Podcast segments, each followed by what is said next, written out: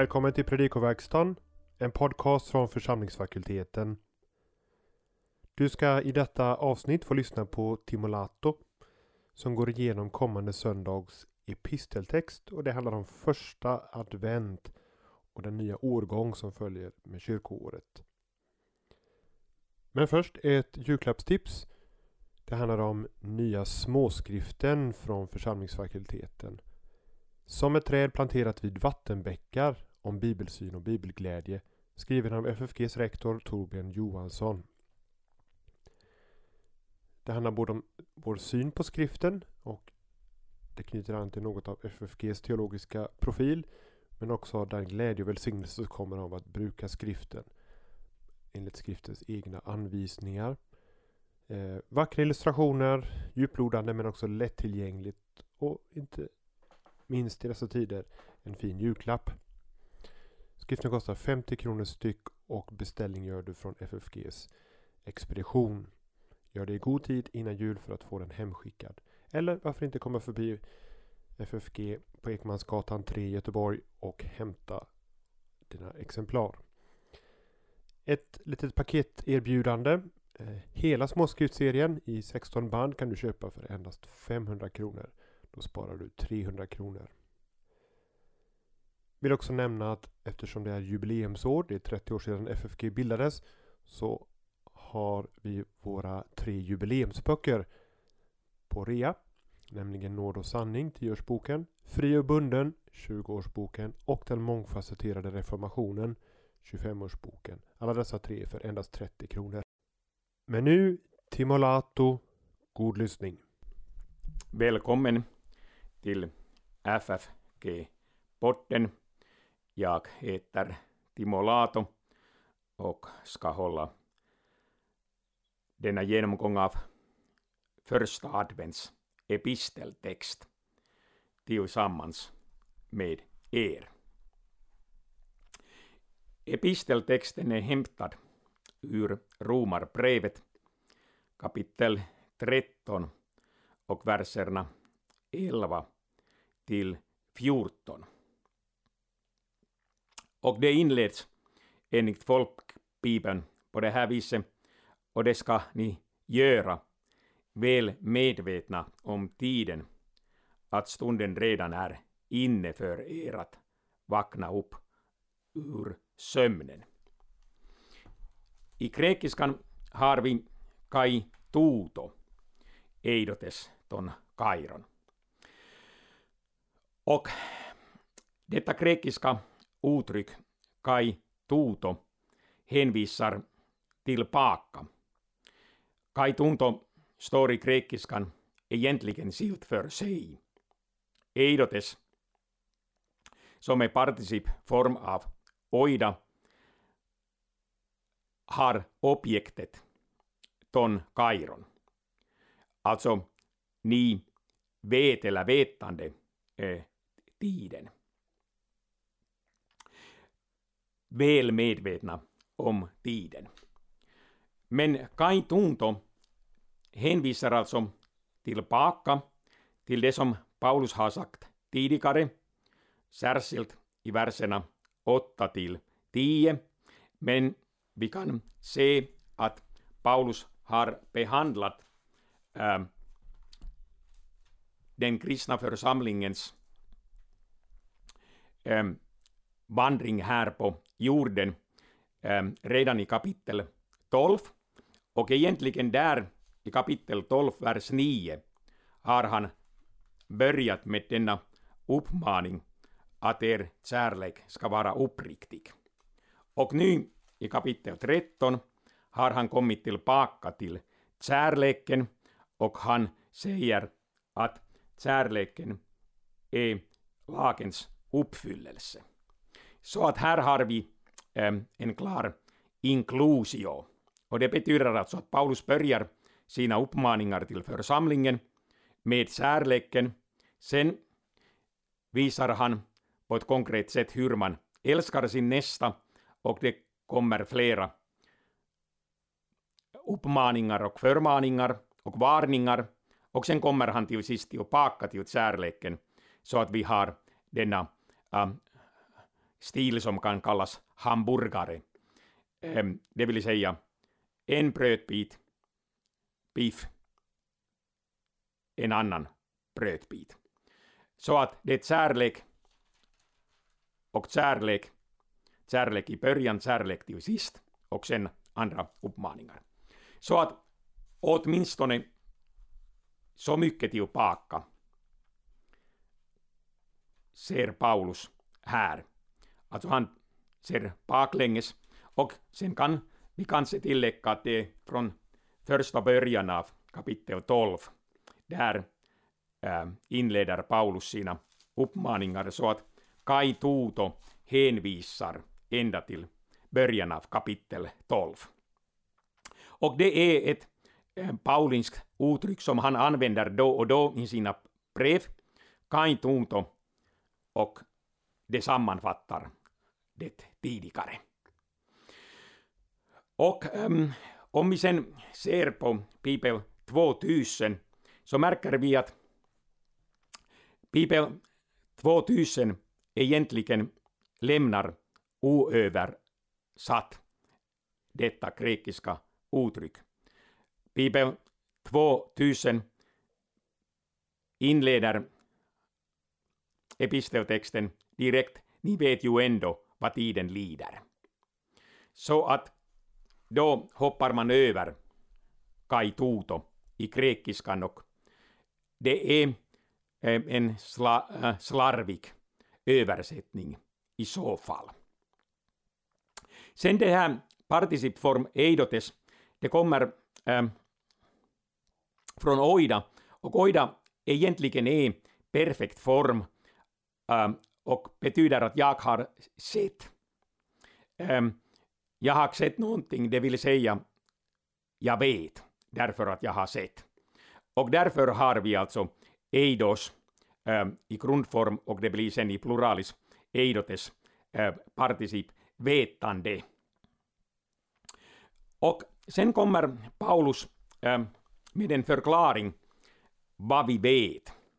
Och han äh, skriver att eh, vi vet att eh, stunden redan är inne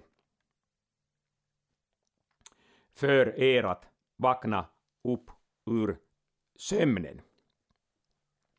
Och här har vi sen alltså i grekiskan verbet egertenai som betyder äh, egentligen att uppstå äh, i denna text, alltså att vakna upp ur sömnen, ex hypno.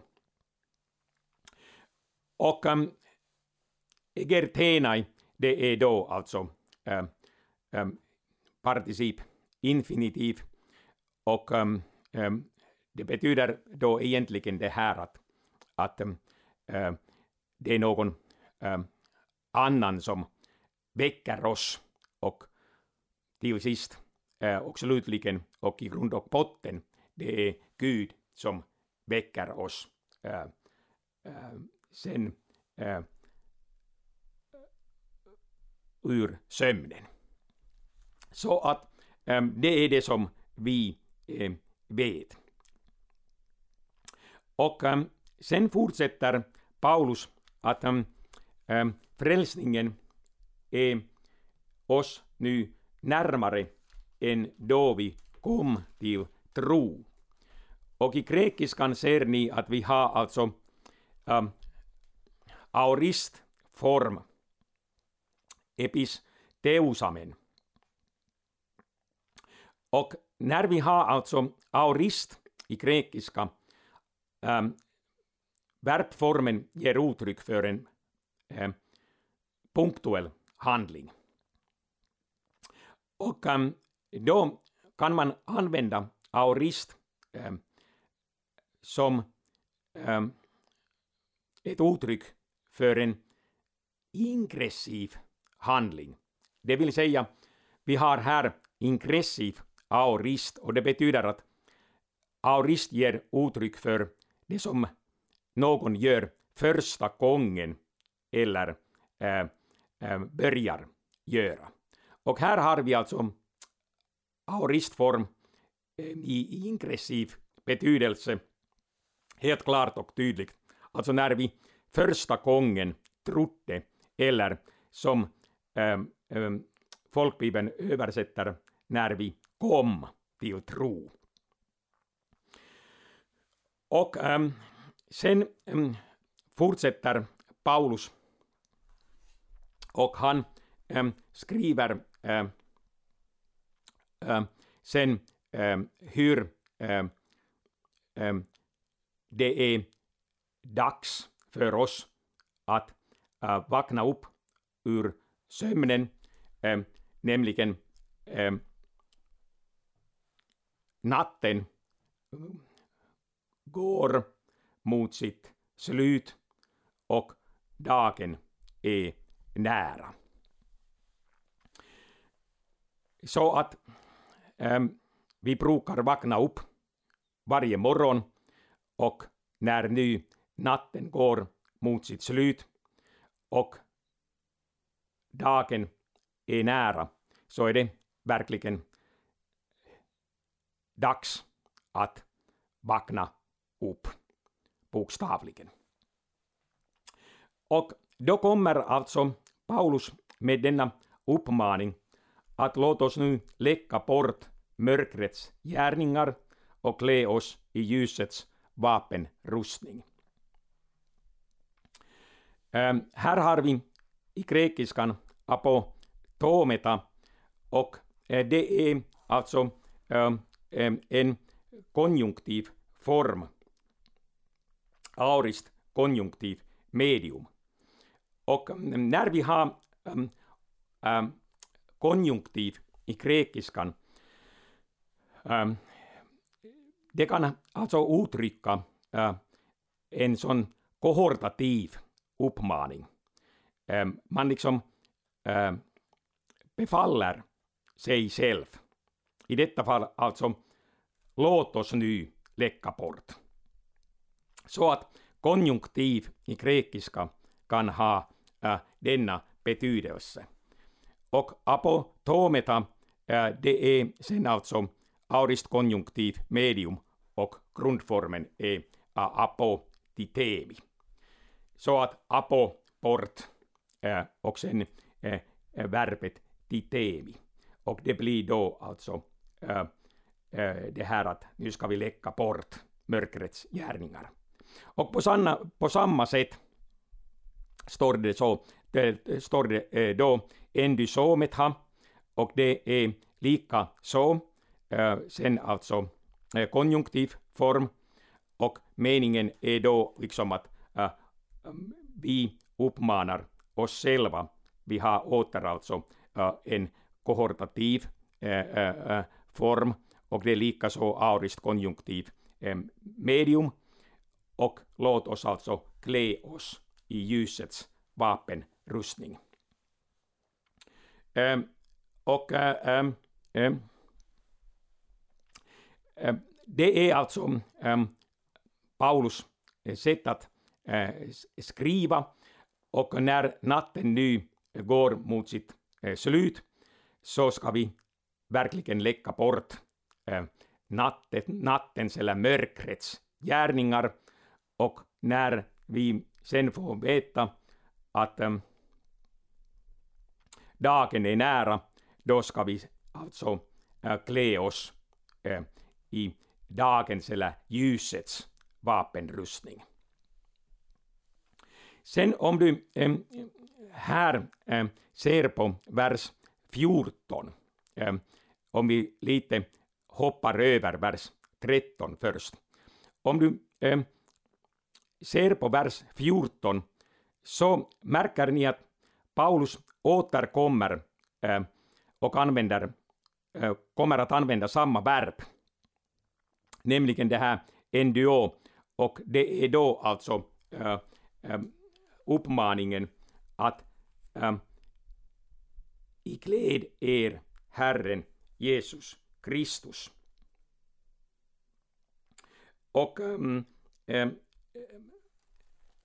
då märker du att samma verb och denna gång ska vi ikläda oss i Herren Jesus Kristus.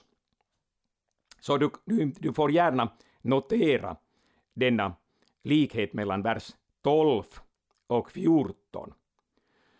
Och um, när vi talar om att vi ska ikläda oss i Herren Jesus Kristus så kan vi tolka en sådan uppmaning på olika sätt. Och vi kan ha alltså en sådan en mjuk bild, låt oss säga så här, en mjuk bild av äh, Jesus Kristus, att, att vi ska ikläda oss i honom och bli snälla mot varandra. Det är inte fel på det viset, men nu märker du att mot mörkrets krafter behöver vi något starkare.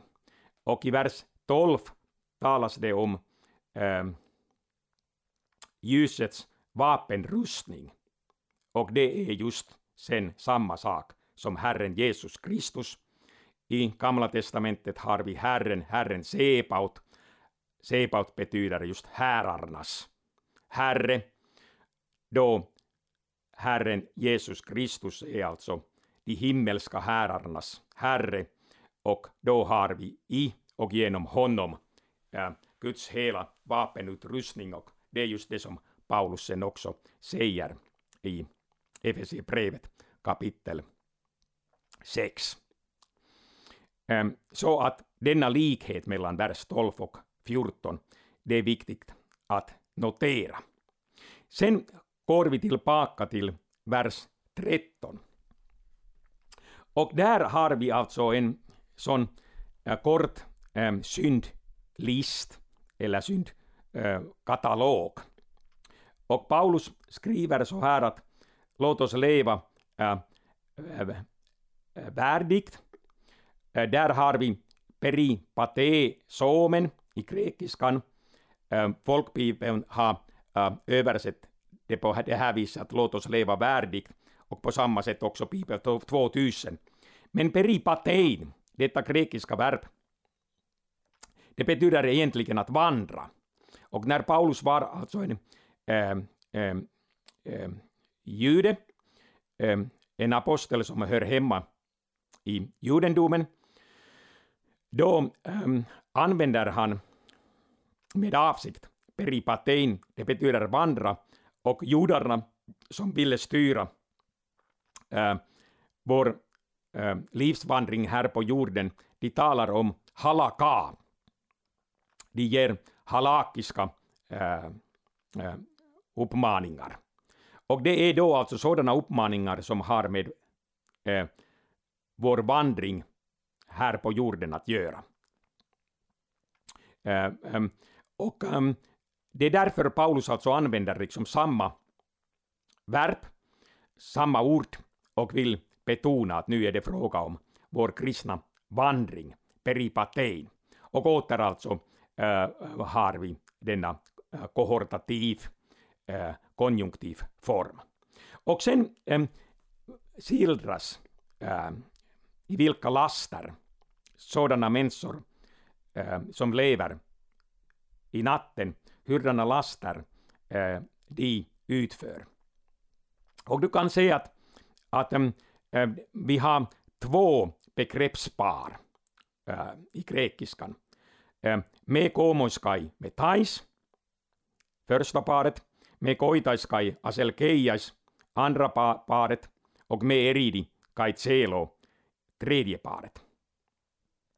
Och ähm, du kan notera att, vi har äh, först äh, i pluralis dessa två laster, likaså dessa äh, andra två laster i pluralis och sen har vi i singularis. Och pluralis betyder alltså att det är alltså olika slags synder och laster. Det finns alltså olika uttrycksformer för dessa laster. Och sen till sist har vi eh, i singularis och då översätter vi texten i strid och avund som folkbibeln gör.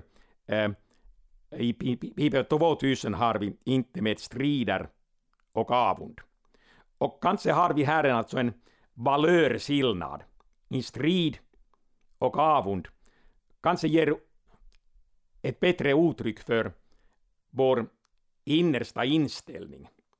Att det, vi ska inte alltså hela tiden ha ett sånt sinnelag att vi lever i strid och avund. Däremot folkbibeln, äh, äh, som sagt, folkbibeln använder äh, först pluralis, sen äh, singularis, inte med strider och avund. Där är det kanske, man betonar kanske mer att det är liksom enstaka strider och, och då liksom eh, lindrar man kanske lite eh, grundspråkets betydelse. Och om du har sen svårt att komma ihåg vad dessa grekiska ord betyder, så kan du bara tänka på en vanlig eh, eh, svensk medborgare som firar helg eller veckoslut eh, och super och gör allt möjligt. Vad följer härav? Jo, om vi liksom äh, lever i utsvävningar och fylleri, eller som Bibel 2000 skriver eh, äh, med festande och drickande. Det leder just till otukt och lösaktighet när man dricker för mycket. Då följer eh, sådana synder. Och sen ofta börjar man också strida med varandra och, och avundas. Och det blir alltså just en sådan skildring av människans liv som vi fortfarande upplever eh, både i Sverige och i Finland. Så att eh, om du har svårt att komma ihåg vad dessa grekiska uttryck betyder, så försök återkalla i minnet uh, ett vanligt veckoslut där människorna utan tro lever i sådana laster och då har vi här alltså en eh, bra skildring av det här. Och sen ända till vers 14, eh, där har vi eh, en jättesvår sats i grekiskan. Kaites sarkos pronoian me pojeiste ei epitymias. Och det betyder egentligen att, att, äh, att inte göra köttets äh, äh, sinnelag, eller det som köttet vill, att inte göra det eh, ända till eh, begär.